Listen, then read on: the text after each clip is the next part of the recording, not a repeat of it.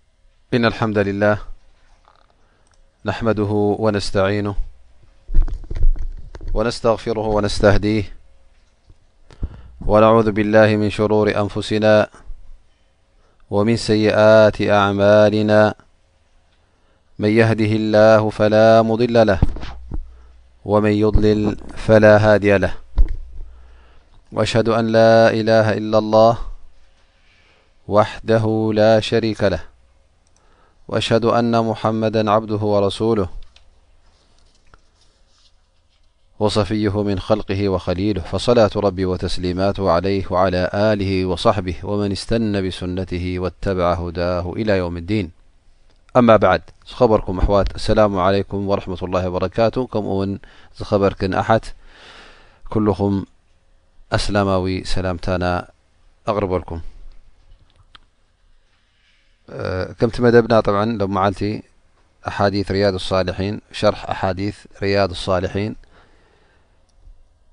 كنوسنا لوم انشاءالله كل حديث الينا لو زي خلنا مالتالل يلنا خون ديث لرع سلس عن انس رضي الله عنه ال قال رسول الله صلى الله عليه وسلم إذا أراد الله بعبده خيرا عجل له العقوبة في الدنيا وإذا أراد الله بعبده الشر أمسك عنه بذنبه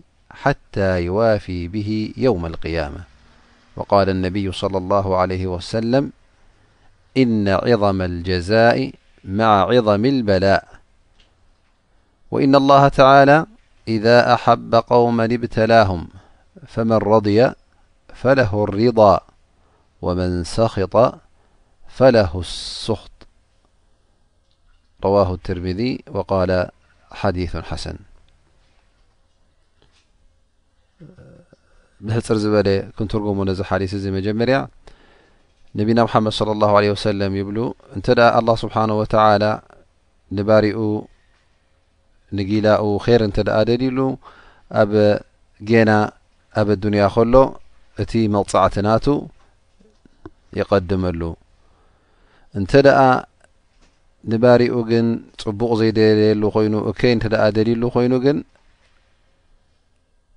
ኣብ ኣዱንያ ኣይቀጽዖን እዩ እንታይ ደኣ ክሳዕ ዮም ኣልቅያማ እቲ መቕጻዕቲ የጽንሓሉ ወነቢ ስለ ላሁ ለ ሰለም ይብሉ ኩሉ ግዜ እቲ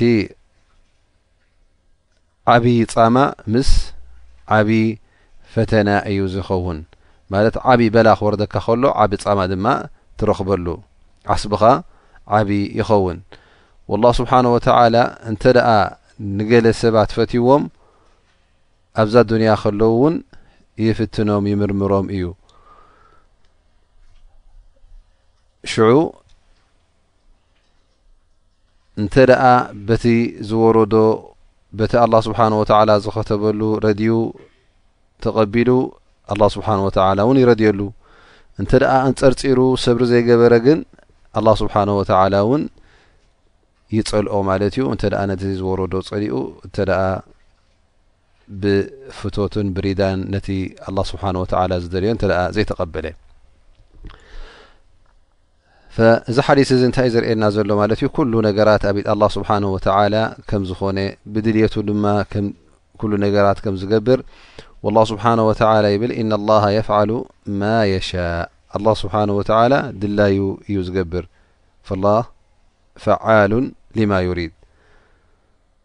ዝኽልክሎ የለን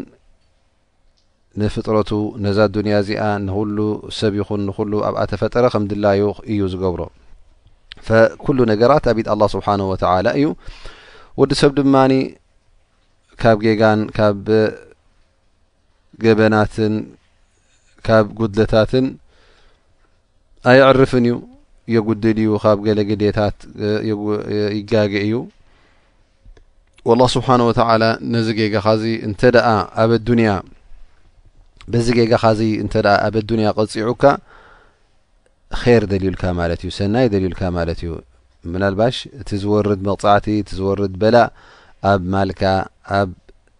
ስድራኻ ኣብ ነብስኻ ኣው ኣብ እትፈትዎም ሰባት ኣብ እትፈትዎም ነገራት እቲ ሽግር ክወድቕ እንከሎ እቲ በላ ክወድቕ እንከሎ እቲ መዓት ክወድቕ እንከሎ ክወርድ እንከሎ እዚ ዝወርደካ ዘሎ ምናልባሽ ብዝገበርካዮ ገበን ብዝገበርካዮ ጌጋ ከም መቕፃዕቲ ኣላ ስብሓን ወተላ ኣብ ኣዱንያ ክቐፅዓካ ደልዩ ይኸውን ስለዚ እዚ መቕፃዕቲ እዚ ናይ ኣዱንያ ኣላህ ስብሓነሁ ወተዓላ ኼር ስለ ዝደለየልካ እዩ። ኼር እንተ ዘይደልየልካ ነይሩ እቲ መቕጻዕቲ መደንጎዮ ነይሩ። ኣብቲ ዝበኣሰን ኣብቲ ዝኸፈኣን ናይ የውመል ቂያማ መቕጻዕቲ ኣብኡ ምቐጸዓካ ነይሩ። ግን ኣብ ኣዱንያ እንተ ደኣ ገይሩልካ ፈትዩካ ማለት እዩ። ፈ እቲ ኣብ ኣዱንያ ዝርከብ መቕጻዕቲ ነቲ ዘንብታትካ መደምሰሲ እዩ ዝኾነካ ማለት እዩ። ኣላህ ስብሓነሁ ወተዓላ እውን ፈትዩልካ ማለት እዩ ምክንያቱ ናብዛ ኣዱንያ ከለካ ካብቲ ኩሉ ዘንብታትካ ነፂህካ ንኣኼራ ክትሓልፍ ከለካ እዚ ናይ ኩላህና ድልት እዩ ክንነፅህ ብፅሩያትናን ብንፁሃትናን ምእንቲ ኣብ ዮም ኣልቅያማ ክንሓልፍ ኣማ እንተ ደኣ ኣላህ ስብሓነሁ ወተዓላ ከምዚ ዓይነት ገይሩ ዘየፅረየካ ከምዚ ፈተናታት ገይሩ እንተ ደኣ ካብ ዘንብኻ እንተ ደኣ ዘየላቐቐካ እቲ መቕፃዕቲ ሓሊፉ ክፀንሓካ ስለ ዝኾነ መቕፃዕቲ ናይ ኣኸራ ድማ ዝከኣል ኣይኮነን ናይ ኣዱንያ ብዝኾነ ኮይኑ ክትክእሎ ኢኻ ክሓልፍ እዩ ናይ ኣኼራ ግን ቀሊል ኣይኮነን ከምቶም ኣላህ ስብሓን ወተዓላ ዝፈተወሎም ክትከውን እንተ ደኣ ኮይንካ ኣላህ ስብሓን ወተዓላ ኼር ዝደለየልካ ክትከውን እንተ ደኣ ኮይንካ እቲ ዝወርደካ ዘሎ መዓት ዝወርደካ ዘሎ ሽግራት ብትዕግስቲ ክትቅበሎ ኣለካ ማለት እዩ በል ኣላህ ስብሓን ወተዓላ እውን ገለገለ ሰባት እቲ ነፍሶም ወይ ከኣ እቲ ካብቲ ዘንብታት ኩሉ ንክጸርዩ ክሳዕ ኣብታ ግዜ ሞቶም ተዓ ትንፋስ ክትወጽእ እንከላ ክሽገሩ ብሕማም ብ ናይ ዓጽሪ ሞት ክብርትዖም እንከሎ እዚ ንገዛእ ርእሱ እውን እንታይ ይኸውን ማለት እዩ ኣላ ስብሓን ወተላ ምናልባሽ ነዞም ሰባት እዚኦም እውን ካብታ ዱንያ ጸርዮም ነጽሆም ንክወፁ ኣብታ ተንተሪፈ ነበራ ዘንብታት ውን በታ ብርትዕቲ ሞት ውን ኣላ ስብሓን ወተላ ይምሕሮም ማለት እዩ እን እዚ ንገዛእ ርእሱ ብሓደ ሸነክ ክትሪኦ ከለካ ኒዕማ እዩ ኣብ ኣዱንያ ክውዳእልካ እንከሎ እቲ መቕፃዕቲ ዓብ ሽሻይ ዓብ ኒዕማ እኻ ትረክብ ዘለካ ማለት እዩ እቶም ኣላ ስብሓን ወተላ ግን ኣብ ኣዱንያ እንከለዉ ኣብቲ ዘለዎ ግበን ኣብቲ ዘለዎ ጌጋ ኣብኡ እናቐፀሉ ከለዉ ኣላ ስብሓን ወተዓላ እንተ ደኣ ዘይቐፅዖም እዚ እስትድራጅ ይበሃል ማለት እዩ ማለት ኣላ ስብሓን ወተዓላ እቲ ዝቦም ዘሎ ኒዕማ ን ዝቦም ዘሎ ሽሻያትን ንኼር ደልሎም ማለት ኣይኮነን እንታይ ደኣ ኣብቲ ዘለውዎ ጌጋ ንክቕፅሉ እሞ ኸዓ እቲ ዘንብታት ናቶም ክደራረብ እሞ ኣላ ስብሓን ወተላ ኣብ ዮም ኣልቅያማ ዓብዪ መቕፃዕቲ ክቐፅዖም ማለት እዩ እንተ ደኣ ሓደ ሰብ ኣብዛ ኣዱንያ ገባር እከይ እንከሎ ኣላ ስብሓን ወተላ ብቢ ዓይነት ውሽሻያት ከፊትዎሉ ክትርኢ ከለኻ ኣላ ስብሓን ወተላ ፈትዎ ፈትይዎ ማለት ኣይኮነን እቲ ዝገብሮ ዘሎ ተግባር እውን ሰናይ ተግባር ማለት ኣይኮነን ላኪን ኣላ ስብሓን ወተላ እዚ ሰብ እዚ እከይ ደልሉ ማለት እዩ በቲ ረኪብዎ ዘሎ ሽሻያት በቲ ረኪብዎ ዘሎ ሰናያት ተዓዔሩ ኣብ ጌጋ ከም ዘሎ ቋሕ ስለ ዘይብል እዚ ሰብ እዚ ር ከም ዘይደለየሉ ኣላ ትርዳእ ማለት እዩ ምክንያቱ እዚ ሰብ እዚ እንታይ እዩ ክመስሎ ኣነስ ኣብ ፅቡቅ እየ ዘለኹ እናበለ መገዲ ክቅፅል እዩ እቲ ሒዝዎ ዘሎ ክፍኣት ክቅፅሎ እዩ ምኽንያቱ ዕንቅፋት ስለ ዘይረኸበ ሽግራት ስለ ዘየጓነፎ ጎይታ ፈትዩኒ እዩ እናበለ ኣብ ጌጋ እውን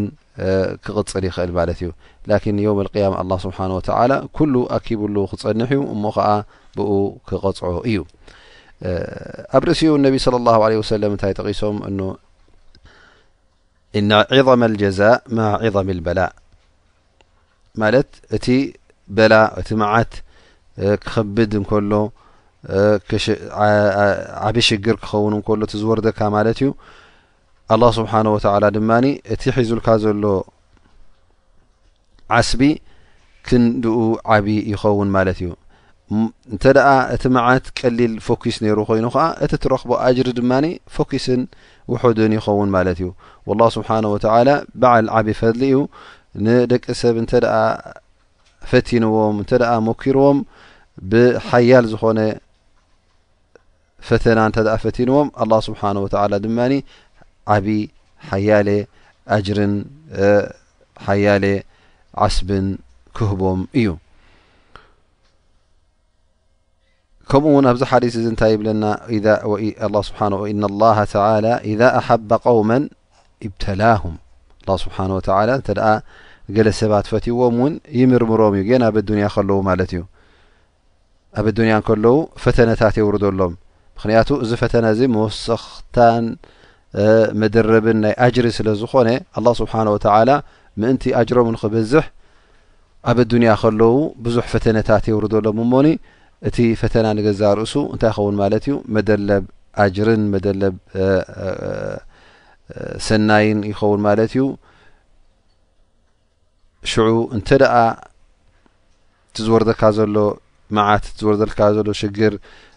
ኣላህ ዝኸተበለይ ኢልካ ብትዕግስቲ እንተ ደኣ ተቐቢልካዮ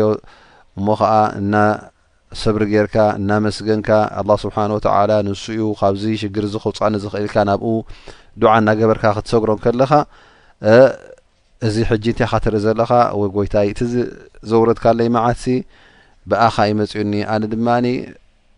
ኣንጻርካ ክዋጋ ኣይኮንኩን እንታይ ደኣ ካባኻ እየ ድሕነትን ምሕረትን ዝጠልብ ኢልካ ሰብሪ ክትገብር እንከለኻ እዚ ናትካ ሪዳ ናትካ ፍቶት ስለ ዘርኢ ኣላ ስብሓን ወተዓላ እውን ይሬድየልካ ማለት እዩ እንተ ደኣ ነዚ ነገር እዚ ጸሊእካዮ ነቲ ዝወረደካ መዓት እሞ ከኣ ኣብ ምንጽርጻር ኣብ ምቁጣዕ እንተ ደኣ በጺሕካ ድማ ነልካ ደኣሲ ኣላህ ስብሓን ወተዓላ እውን ይቁጣዓልካ ማለት እዩ ሰብሪ ስለ ዘይብልካ ኣላህ ስብሓን ወተዓላ ይቁጣዓልካ ሕጂ እዚ እንታይ እዩ ሓደ ዓብ ብስራት ማለት እዩ ንመን ንሙእምን እንተ ደኣ ሙሲባ ወሪድዎስ እንተ ደኣ ሽግር ወሪድዎ ኣላ ስብሓን ወተዓላ ጸሊእዎ ማለት ኣይኮነን እንታይ ደኣ እዚ ምናልባሽ ምልክት ናይ ኣላ ስብሓን ወተላ ፍቕሪ ክኸውን ይኽእል እዩ ኣላ ስብሓን ወተላ ፈትዩካን ኣፍቂሩካን ስለምንታይ እዚ ብትላእ ከውርደልካ ከሎ ንዓኻ ዝያዳ ኣጅሪ ንክትረክብ ሰብሪ ጌርካ እቲ ዝወርደካ ዘሎ ድኻም ኣብ ኣዱንያ ፅባሕ ንግሆ ኣብ ዮም ኣልቅያማ ኣጅርን ምሕረትን ክኾነልካ እዩ ኣላ ስብሓን ወተላ ምናልባሽ ዘውርድልካ ዘሎ ስለዚ ፈትዩካ እዩ ደኣ እምበር ኣጅሪ ምክትረክብ እዩ ደኣ እምበር ፀሊኡካን ተቆጢዑልካን ማለት ኣይኮነን ስለዚ እዚ ሓዲስ እዚ እንታይ እዩ ናበይ ደፋፍኣና ዘሎ ማለት እዩ ናብ ትዕግስትን ናብ ሰብርን እቲ ዝወርደና መሳይብ እቲ ዝወርደና መዓታት ኩሉ ክንስከሞ ከለና ብሰብሪ ንስከሞ ማለት እዩ ብትዕግስቲ ንገጥሞ እሞ ከዓ ናይ ኣላ ስብሓን ወተላ ብኣላ ስብሓን ወተላ ዝወረደ ስለ ዝኾነ ሞት ኮይኑ ሕማም ኮይኑ እዚ ሕጂ ኣላ ስብሓን ወተላ ዘውረዶ ኢልካ ረዲኻ ክትቀበሎም ከለኻ እንታይ ኢኻ ትርኢ ዘለኻ ትዕግስትኻ ካብ እምነት ተበገሰ ትዕግስቲ ኢኻ ተርኢ ዘለኻ ስለዚ ኣላ ስብሓን ወተላ ሰብርን ትዕግስትን ንኽበና ናብኡ ጥርዓና ነቕርብ። እቲ ቀዳማይ ሓዲስ በዚ ይድምደም፣ ናብቲ ካልኣይ ሓዲስ ድማ ንሳገር። እዞም ጠብዓ ሎም መዓልቲ ሒዝናዮም ዘለና ሓዲስ እውን ከምቲ ቅድሚ ሕጂ ዝጠቐስናዮ ኣብ ትሕቲ ምዕራፍ ወይ ከዓ ኣብ ትሕቲ ኣርእስቲ ናይ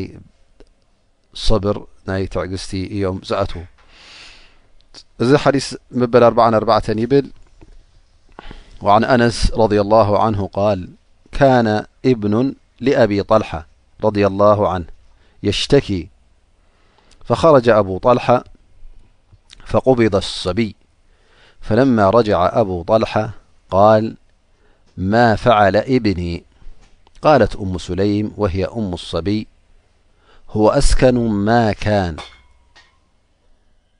فقربت إليه العشاء فتعشى ثم أصاب منها فلما فرغ قالت واروا الصبي فلما أصبح أبو طلحة أتى رسول الله صلى الله عليه وسلم فأخبره فقال أعرزتم الليل قال نعم قال اللهم بارك لهما فولدت غلاما فقال ل أبو طلحة احمله حتى تأتي به النبي صلى الله عليه وسلم وبعث معه بتمرات فقال أمعه شيء قال نعم تمرات فأخذها النبي صلى الله عليه وسلم فمضقها ثم أخذها من فيه فجعلها في الصبي ثم حنكه وسماه عبد الله متفق عليه وفي رواية للبخاري قال ابن عيينة فقال رجل من الأنصار فرأيت تسعة أولاد كلهم قد قرأوا القرآن يعني من أولاد عبد الله المولود وفي رواية لمسلم مات ابن لأبي طلحة من أم سليم فقالت لأهلها لا تحدثوا أبا طلحة بابنه حتى أكون أنا أحدثه فجاء فقربت إليه عشاء فأكل وشرب ثم تصنعت له أو أحسن ما كانت تصنع قبل ذلك فوقع بها فلما أنرأت أنه قد شبع وأصاب منها قالت يا أبا طلحة أرأيت لو أن قوما أعاروا عاريتهم أهل بيت فطلبوا عاريتهم ألهم أن يمنعوهم قال لا فقالت فاتسب بنك قال فغضب ثم قال تركتني حتى إذا تلطخت ثم أخبرتني بابني فانطلق حتى أتى رسول الله صلى الله عليه وسلم فأخبره بما كان فقال رسول الله صلى الله عليه وسلم بارك الله في ليلتكما قال فحملت قال وكان رسول الله صى ه سلمفي سفر وهي معه وكان رسول الله صلى الله عليه وسلم إذا أتى المدينة من سفر لا يطرقها طروقا فدنوا من المدينة فضربها المخاظ فاحتبس عليها أبو طلحة وانطلق رسول الله-صلى الله عليه وسلم قال يقول أبو طلحة إنك لتعلم يارب أنه يعجبني أن أخرج مع رسول الله لى الله علوسلمإذارج وأدخل معه إذا دخل وقد احتبست بما ترىولأمسليمياأبالةما أجد الذي كنت أجد انطلق فانطلقنا وضربها المخاض حين قدم فولدت غلاما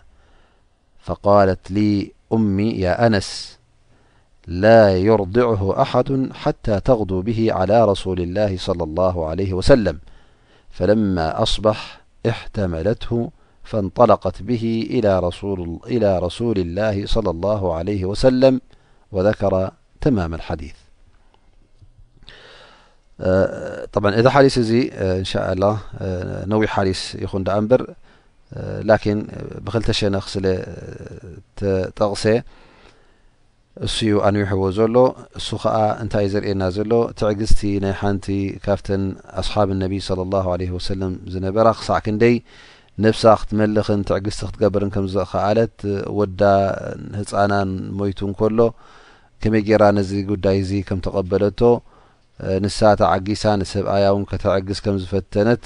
እነሀ እዚ ሓዲስ እዚ የርእየና ማለት እዩ። እዚ ሓዲስ እዚ ኣቡ ጠልሓ ዝተባህለ ሰብኣያ ንኡሙ ስሌም ሓደ ግዜ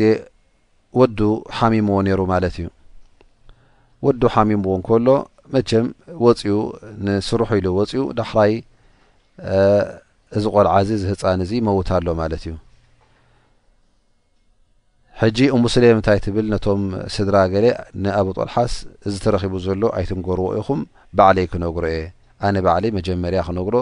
ኣይትንገሩ ትብል ማለት እዩ ፈ ምስ መፀ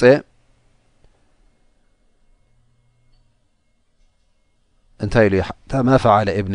እቲ ቆልዓ እቲ ወደይሲ እንታይ ገይሩ ከመይ ኣሎ ከመይ ውዒሉ ኢሉ ይሓትት ማለት እዩ ፈእሙ ስሌም ትብል ህዋ ኣስከን ማ ካን ማለት ሕጂ ካብቲ ዝነበሮ ሃዲኡ ሃዲኡ ሁወ ኣስከን ማ ካን ማለት ካብቲ ዝነበሮ ብዝያዳ ሃዲኡ ከምዚ ዓይነት ህድኣት እውን ሃዲኡ ይፈልጥን ኢላ ትምልሰሉ ማለት እዩ ሕጂ እንታይ ተረዲኡ ንሱ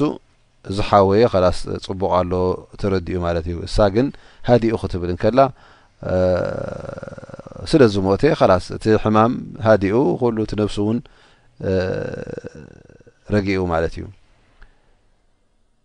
ሕጂ እንታይ ትገብር ኣላ ደኺሙ መጺኡ ካብ ስራሕ ስለ ዝመጸ ድራሩ ትቕልበሉ ተደሪሩ በሊዑ ሰትዩ ማለት እዩ ሽዑ እውን እቲ እሳ እውን ጽቡቕ ተኸዲና ጸኒሓቶ ተመላኺዓ ጸኒሓቶ ማለት እዩ ከምቲ ሰብኣይ ካብ በዓል ቤቱ እውን ካብ ሰበይቱ ዝደልዮ ጾታዊ ርክብ ፈጺሙ ምስኣ ማለት እዩ ብድሕሪኡ ትብሎ ምስ ወደአ እውን ትብሎ ያ ኣባ ጠልሓ ሰባት ሲ ኣቕሓ ለሚኖም ካብ ጎረቤት ሓቲቶም ነይሮም ድሕሪ ገለ መዓልታት እቶም ዋናታት ናይዚ ኣቕሓ እዚ ነቶም ዝተለቅሑ ምለሱልና ኢሎሞም እሞ ከኣ እቲኦምሲ ኣይንመልስን ኢና ኢሎም ከምዚ ኢሎም ክዛረቡስ እንታይ ይመስለካ ኢላ ትሓቶም ማለት እዩ ፈኣቡ ጠልሓ እንታይ ኢሉ ብለስ ከመይ ጌርካ ዘይናትካ ዶ ኣይህብን ይበሃልን ድዩ ዘይናትካ ዶ ኣይህብን ትብል ኢኻ እንተደኣ ተለቂሖሞ ነይሮም ኮይኖም ዘይናቶምዚ ክመልሱ ኣለዎም ኢሉ ይምልስ ማለት እዩ ሽዑ እንታይ ትብሎ እሞ ወድኻ ልቓሕ ስለ ዝነበረስ ናብቲ ዘለቃሓና ተመሊሱ ኢላ ትዛረብ ማለት እዩ ሽዑ ኣቡ ጠልሓ ብጣዕሚ ይንድር ይሓርቕ ማለት እዩ ከመይ ጌርኪ ንስኺ ኣነ ወደይ ሞይቱ ከሎስ ክበልዕ ክሰቲ ምሳኺ ክድቅስ ገዲፍክኒ እሞ ሕጂ ትነግርኒ ኢሉ ብጣዕሚ ኮርዩ ሓሪቑ ናብ መን ይኸይድ ናብ ነቢና ሙሓመድ ሰለላሁ ዓለይሂ ወሰለም ይኸይድ እሞ ኸኣ እቲ ተረኸበ ጉዳይ ይነግሮም ከምዝን ከምዝን ተረኺቡ ኣነ ደገ ነይረ ቆልዓይ ሓሚሙ ሞይቱ ከሎ ንሳ ኣብ ካልኣ ናይ ምብላዕ ናይ ምስታይ ንዑ ጥራይ ሂባህድኒ ኢሎም ከይነገረትኒ ከላ ስለዚ ያ ረሱላላህ እንታይ ይመስለካ ኢሎም ክጠርዕው ከይዱ ማለት እዩ ጠሪዑ እነቢ صለ ላሁ ለ ወሰለም እንታይ ኢሎም ይምልስሉ ባረከ ላሁ ፊ ለይለትኩማ እዛ ሎም መዓልቲ ለይትኹም እዚኣ ረቢ ይባረኸልኩም ጠብዓ ፅባሒት ዩ ከምኡ ኢሉ ከይዱ ነቢና ሙሓመድ ስ ሰለም ተዛሪቦም እሞ እዛ ለይትኹም እዚኣ ረቢ ይባረኸልኩም ኢሉ ኢሎም እነቢ ስ ሰለም መሊሶምሎም ማለት እዩ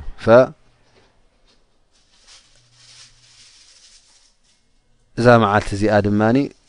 በታ ሰብኣያ ዝረኸባ ማለት እቲ ፆታዊ ርክብ ስለ ዝፈፀሙ ወዮ ሰበይቲ ትጠንስ ማለት እዩ ዱዓ ናይ ነቢና ሙሓመድ ለ ላ ለ ወሰለም እውን በረካ ገይሩ ማለት እዩ እነሀ ሓደ ካብቶም ኣንሳር እውን ይብል እቲ ሸዓ ተጠንሰ ቆልዓ እተወልደ ቆልዓ ኣነ ይዝከረኒ ይብል ትሽዓተ ኣወዳት ወሊዱ እሞ ከዓ ኩሎም ቁርን ዝሓፈዙ ኮይኖም ይብል ማለት እዩ እዚ ከዓ ብምንታይ በረካ ናይ ነቢና ዱዓ ናይ ነቢና ሙሓመድ ለ ላ ለ ወሰለም እዚ ቆልዓ እዚ እውን እቲ ወላልዳ ናቱ እውን ኣብዛ ሓዲስ እዚኣ ተጠቂሳ ማለት እዩ ክውለድ እንከሎ እዚ ተጠንሰ ቆልዓ ድማ እታ ዱዓ ዝገበሩላ ነቢና ሙሓመድ ስለ ላ ሰለም ኣቡ ጠልሓ ሰበይቶም ሒዞም ምስ ነቢና ሓመድ ስ ሰለም ጌሾም ነይሮም ማለት እዩ ሽዑ ክምለሱ ከለዉ ንመዲና ክቀራረቡ ክኣት ከለዉ ሕማም ሕርሲ ይሕዛ ማለት እዩ እሙስሌም ኣብቲ ምቅርራብ ኣብቲ ዶብ ናይ መዲና ክበጽሑ ከለዉ ሕጂ ኣቡ ጠልሓ ምስ ኣደው ኢሉ ተሪፉ ማለት እዩ ክሪኣ እንታይ የድልያ እንታይ ትደሊ ኣብዚ ቦታ እዚ ምስ በጽሐ ኣንታ ጎይታይ ኣነስ ሕጂ ምስ ነቢ ስ ሰለም ካብ ዓዲ ወፅኤ እሞ ከዓ ሕጂ እውን ምለስ ኣለኹ እሞ ኣነስ ኩሉ ግዜ ክወፅእ ከለኹ ምስኦም ምስ ነቢና መሓመድ ስ ሰለም ክወፅኤ ዝፈቱ ክኣቱ ከለኹ ድማ ምስኦም ክኣቱ እየ ዝፈቱ ኢሎ ዱዓ ምስ ገበረ እንሀልካ ደኣስ እቲ ሕማም ጥንሲ ወይ ከኣ እቲ ሕማም ናይ ሕርሲ ዝስምዓ ዝነበረ ይገድፋ ማለት እዩ እሞ እሙ ስሌም ትብሎ ያ ኣባ ጠልሓ ሕጂስ ወላ ሓንቲ የብለይን ንዓናይ ንበገስ ትብል ተበጊሶም እቱ ምስ በሉ ኣብ መዲና ሕማም ናይ ሕርሲ እንደገና ይምለሳ ማለት እዩ ህፃን እውን ትወልድ ሽዑ ምስ ሓረሰት ንወዳ ነቲ ወዲ ሰብኣያ ንኣነስ ትብሎ የኣነስ ንዓ ኣነ ዝቆልዓ እዚ ኣየጥበዎን እየ መጀመርያ ናብ ነቢ መሓመድ ስ ሰለም ናብ ነቢና ውሰዶይ ኢኻ ኢላ ናብ ነቢ መሓመድ ስ ሰለም ትሰዶ ምስኡ ከዓ ተምሪ ሒዙ ይኸይድ ማለት እዩ ፈነቢ ለ ላ ለ ወሰለም ነዚ ቆልዓ እዚ ነቲ ተምሪ ወሲዶም ሓይኾም የኸምስዕዎ ማለት እዩ ንዕኡ ነቲ ቆልዓ ታሕኒክ ዝበሃል ይገብርሉ ዓብዱላ ከዓ ሰምዮሞ ማለት እዩ ዓብዱላ ከዓ ሰምዮሞ ማለት እዩ ፈ እዚ እዩ እቲ ሓዲስ ብሕፅር ዝበለ ትንትና ከምቲ ዓንተቦይ ዝጠቐስናያ እውን እንታይ እዩ ዝርእየና ማለት እዩ እዚ ሓዲስ እዚ ሓደ ዓብዪ ደሊል ወይ መርትዖ እዩ ትዕግስቲ ናይ ኡም ሙስሌም ክሳዕ ክንደይ ሓያል ከም ዝነበረ ወዳ ሞይትዋ እንከሎ ንነብሳ ተቖጻጺራ ንሰብኣያ ብደገ መጺኡ ደኺሙ መጺኡ ኣብ ክንዲ ተሰንብዶ መጀመርያ ኣድሪጋቶ ማለት እዩ።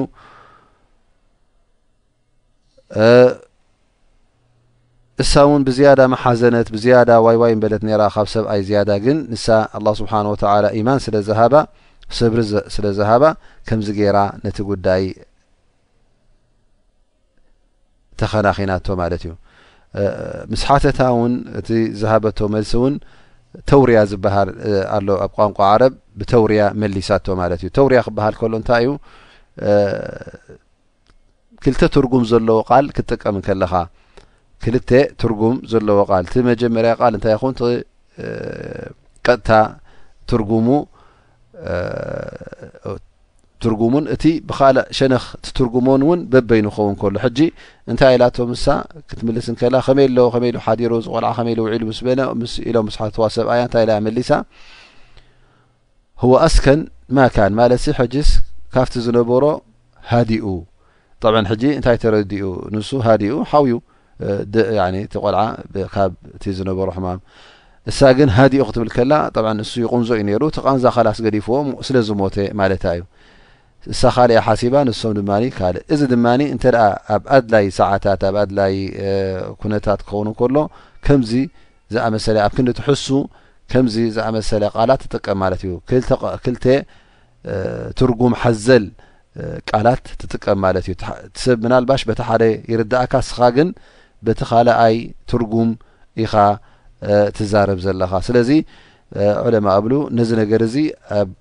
ኣድላይ ቦታን ኣብ ኣድላይ ሰዓትን ኣብ ኣድላይ ኩነታትን ሲ ኣብ ክንዲ ትሕሱ ነዚ ተጠቀም ይብሉ ማለት እዩ ፊ ሰዓት ልሓጃ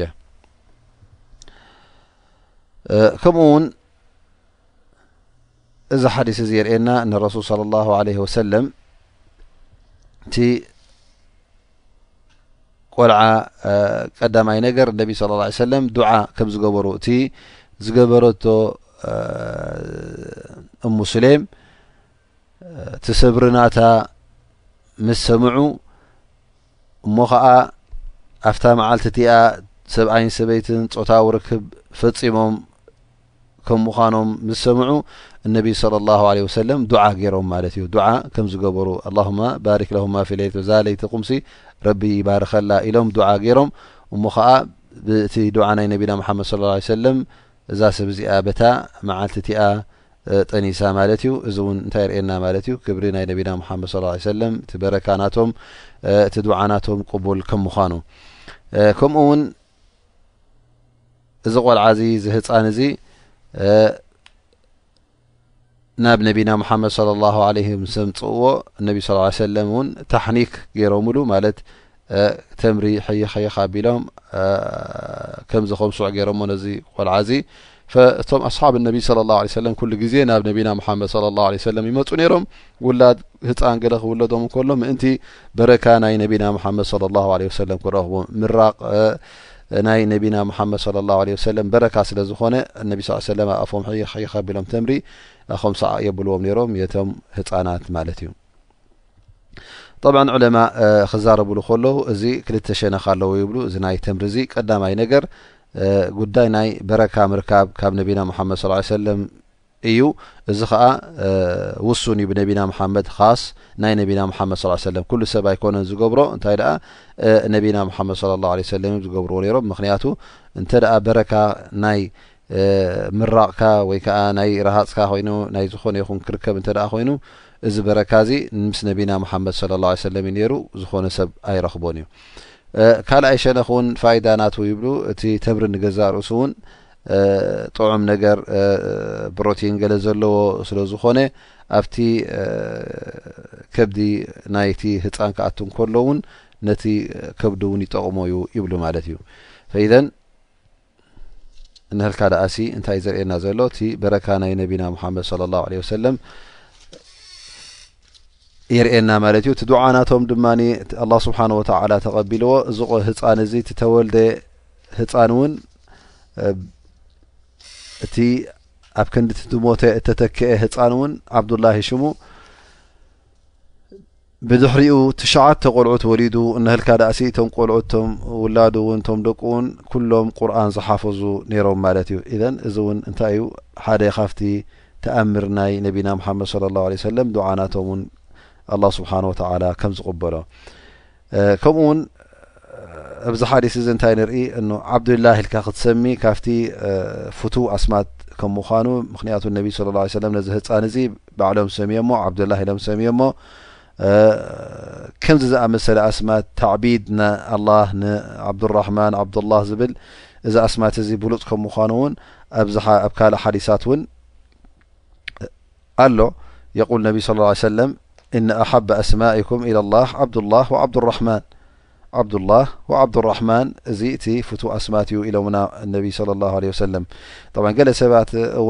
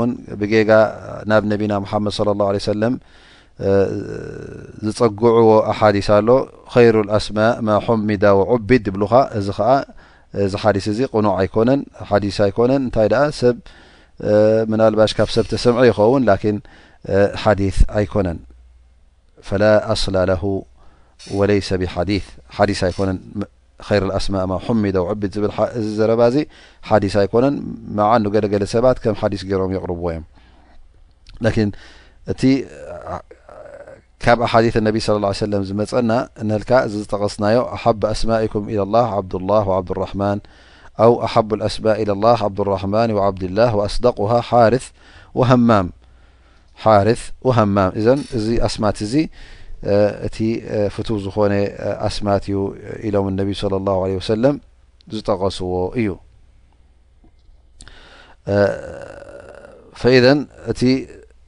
ዓብዱላህ ዝብል ስም ጥዑም ስም ከም ምኳኑ እዚ ከዓ ግደ ናይ ወለዲ እዩ ሕጂ ውላዶም ክሰምዩ ከለዉ ካብቲ ሱና ነቢ ዝፀናሓና ኣስማት ካብኡ ክንሰሚ ፅቡቅ ኣስማት መሪፅ ክንመርፀሎም እዚ ሕጂ ግደ ናይ ወለዲ ይኸውን ማለት እዩ ንዕኡ ዝኽፍኣሉ ስም ክትሰምዮ ጌጋ እዩ ረቢ ይፈትዎን እዩ ምኽንያቱ ምናልባሽ ሓድሓደ ግዜ ምናልባሽ ፍልይ ዝበለ ስም ክሰምዮ ኢልካ ትሰምዮ ኣብቲ ህብረተሰቡ ቅቡል ዘይኮነ ስም ክኸውን እንከሎ ንዕኡ ብዙሕ ከሸግሮ ስለ ዝኽእል ከተሸግሮ የብልካን እቲ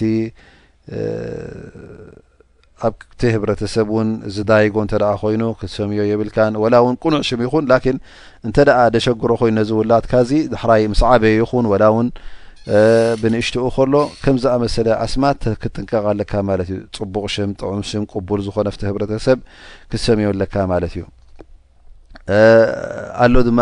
ኣስማት ሓራም ዝኾነ ንክሰምዮ ከም ንኣብነት ዓብድ ነቢ ኢልካ ገለገለ ሰባት ዝሰምዩ ሕጂ ማ የጁዝ እዚ ሕጂ ሓራም እዩ ኣኖ ዒባዳ እንተ ኮይኑ ንኣላ ስብሓን ወተላ ባርያ ኩላህና ባርያ ኣላ ባርያ ጎይታ ኢና ዳኣ እምበር ባርያ ነቢ ሙሓመድ ስ ሰለም ኣይኮናን ስለዚ ከምዝኣመሰለ ክትሰሚ ድማ ሓራም እዩ ወይ እውን ብኣስማእ ናይ ኩፋር ናይ ከሓቲ ክትሰሚ ንሶም ናቶም ስም ጥራይ እንተ ኮይኑ ብኡ ዝልለዩን ዝፍለጡ እንተ ኮይኖም በቲ ኣስማቶም ክትስመ ክትስመ የብልካን ወይ ከዓ ውላድካ ውን ክትሰሚ የብልካን ምክንያቱ እዚ እንታይ ዝቁፅር ማለት እዩ ተሸቡህ እዩ ዝቁፅር በቶም ክሓቲ በቶም ኩፋር ትሽባህ ንዕኦም ትመስል ኣለካ ማለት እዩ ወመን ተሸበሀ ብቀውሚን ፈህወ ምንሁም ንዕኦም ትመሳሰል ሰባት እንተ ደሊኻ እውን እስኻ ካብኦም ኢኻ ማለት እዩ ስለዚ ኣስላማይ በስማቱን በቲ ጠባያቱን በቲ ግብርታቱን ፍሉይ እዩ ነቶም ክሓቲ ነቶም ኩፋር ኣይመስልን እዩ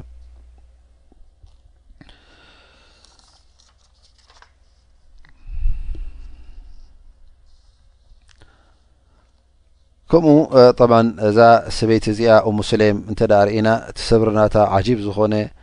ንሰብኣያ ክተዛረቡ ኮላ ድማ ንህልካ ደኣሲ ብጣዕሚ በላሕን ዓቃልን ዝኾነት ሰበይቲ ከም ምዃነ ርኢና ኣለና ማለት እዩ እቲ ናይ ውላዳ ሓዘን ጓሂ ከይሰዓራ እቲ ኢማና ሓያል ስለ ዝነበረ ብትዕግስቲ ተቐቢላቶ ነቲ ሰብኣያ እውን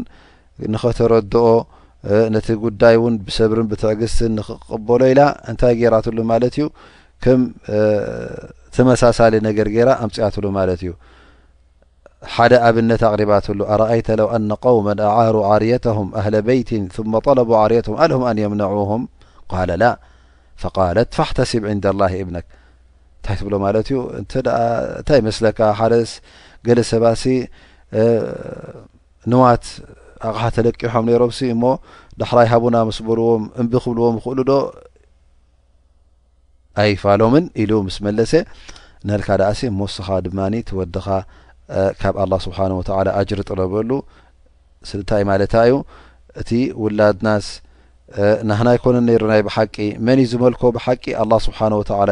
ዝመልኮ እሞ ልክዕ ከም ልቃሕ እዩ ነይሩ ማለት እዩ ኣላ ስብሓን ወተላ ድማ እቲ ዘለቅሓና ልቃሑ መሊስዎ ኢላ ተዛሪባ ማለት እዩ ከምዚ ኢላ ምስ ተዛረበት እቲ ሰብኣያ ብዙሕ ኣይተረደኣን ማለት እዩ ተቆጢዑ ማለት እዩ ምክንያቱ ውላደይ ሞይቱንስ ነልካ ዳኣሲ ናይ ድራር ናይ ካልእ ተራእይዋ ኢሉ ብጣዕሚ ሓሪቁ ንፅባሒቱ ናብ ነቢና ሙሓመድ صለ ላሁ ለ ወሰለም ክጠርዓ ከይዱ ማለት እዩ ላኪን ነቢ صለ ላሁ ለ ወሰለም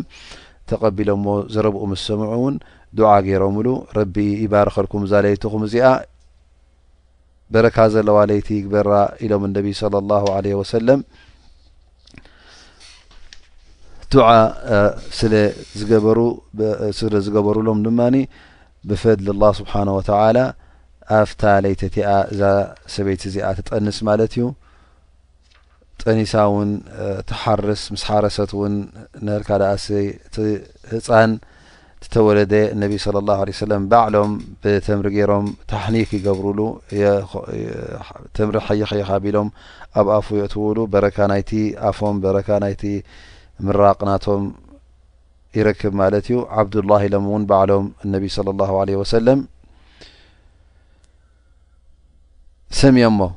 ስለዚ ከምቲ ዝበልናዮ ድማ እቲ ምራቕ ናይ ነቢና ሙሓመድ ለ ላሁ ለ ሰለም ፍልይ ዝበለ እዩ እሞ ኸዓ በረካ ዘለዎ እዩ ስለዚ ዝኾነ ይኹን ሰብ በረካ ከም ናይ ነቢ ሙሓመድ ለ ላሁ ለ ወሰለም ኣለኒ ክብል ኣይክእልን እዩ ካብ ካልኦት ሰባት ውን ክጽበ የብልናን ላኪን ናይ ነቢና ሙሓመድ صለ ላه ሰለም እዚ ንዕኦም ጥራይ ተወሰነ እዩ ኣብ ምራቆም ኮይኑ ኣብ ረሃጾም ኣብ ጸጉሮም ኣብ ኣካላቶም ኩሉ በረካ እዩ ነይርዎም ማለት እዩ ሊኣኑ ነቢ صለ ላሁ ለ ወሰለም ኢዶም ዘእተውሉ ማይ እንተ ኮይኑ እቶም ኣስሓብ ነቢ صለ ላሁ ለ ወሰለም ደቆም ይሰዱ ነሮም ናብ ነቢና መሓመድ ማይ ሒዞም መፁ ነቢ ስ ሰለም ኢዶም ኣእትው የብሉሉ እንህልካ ደኣሲ በረካ ይረክብ ብኡ ነቶም ዝሓመሙ ይሓፅቡ ነሮም ይሓውዩ ነሮም ማለት እዩ ኢዘን ናይ ነቢና መሓመድ ለ ላ ሰለም በረካ ውሱን እዩ ዝኾነ ይኹን ሰብ እውን ክረኽቦ ዘይክእል እዩ ስለዚ ኣነ በረካ ኣለኒ ኢልካ ወይ ከዓ ፍላን በረካ ኣለዎ ኢልካ ንዓ ከምቲ ናይ ነቢ መሓመድ ለ ላሁ ለ ሰለም ብምራቕካ ወይ ከኣ ብትፋእካ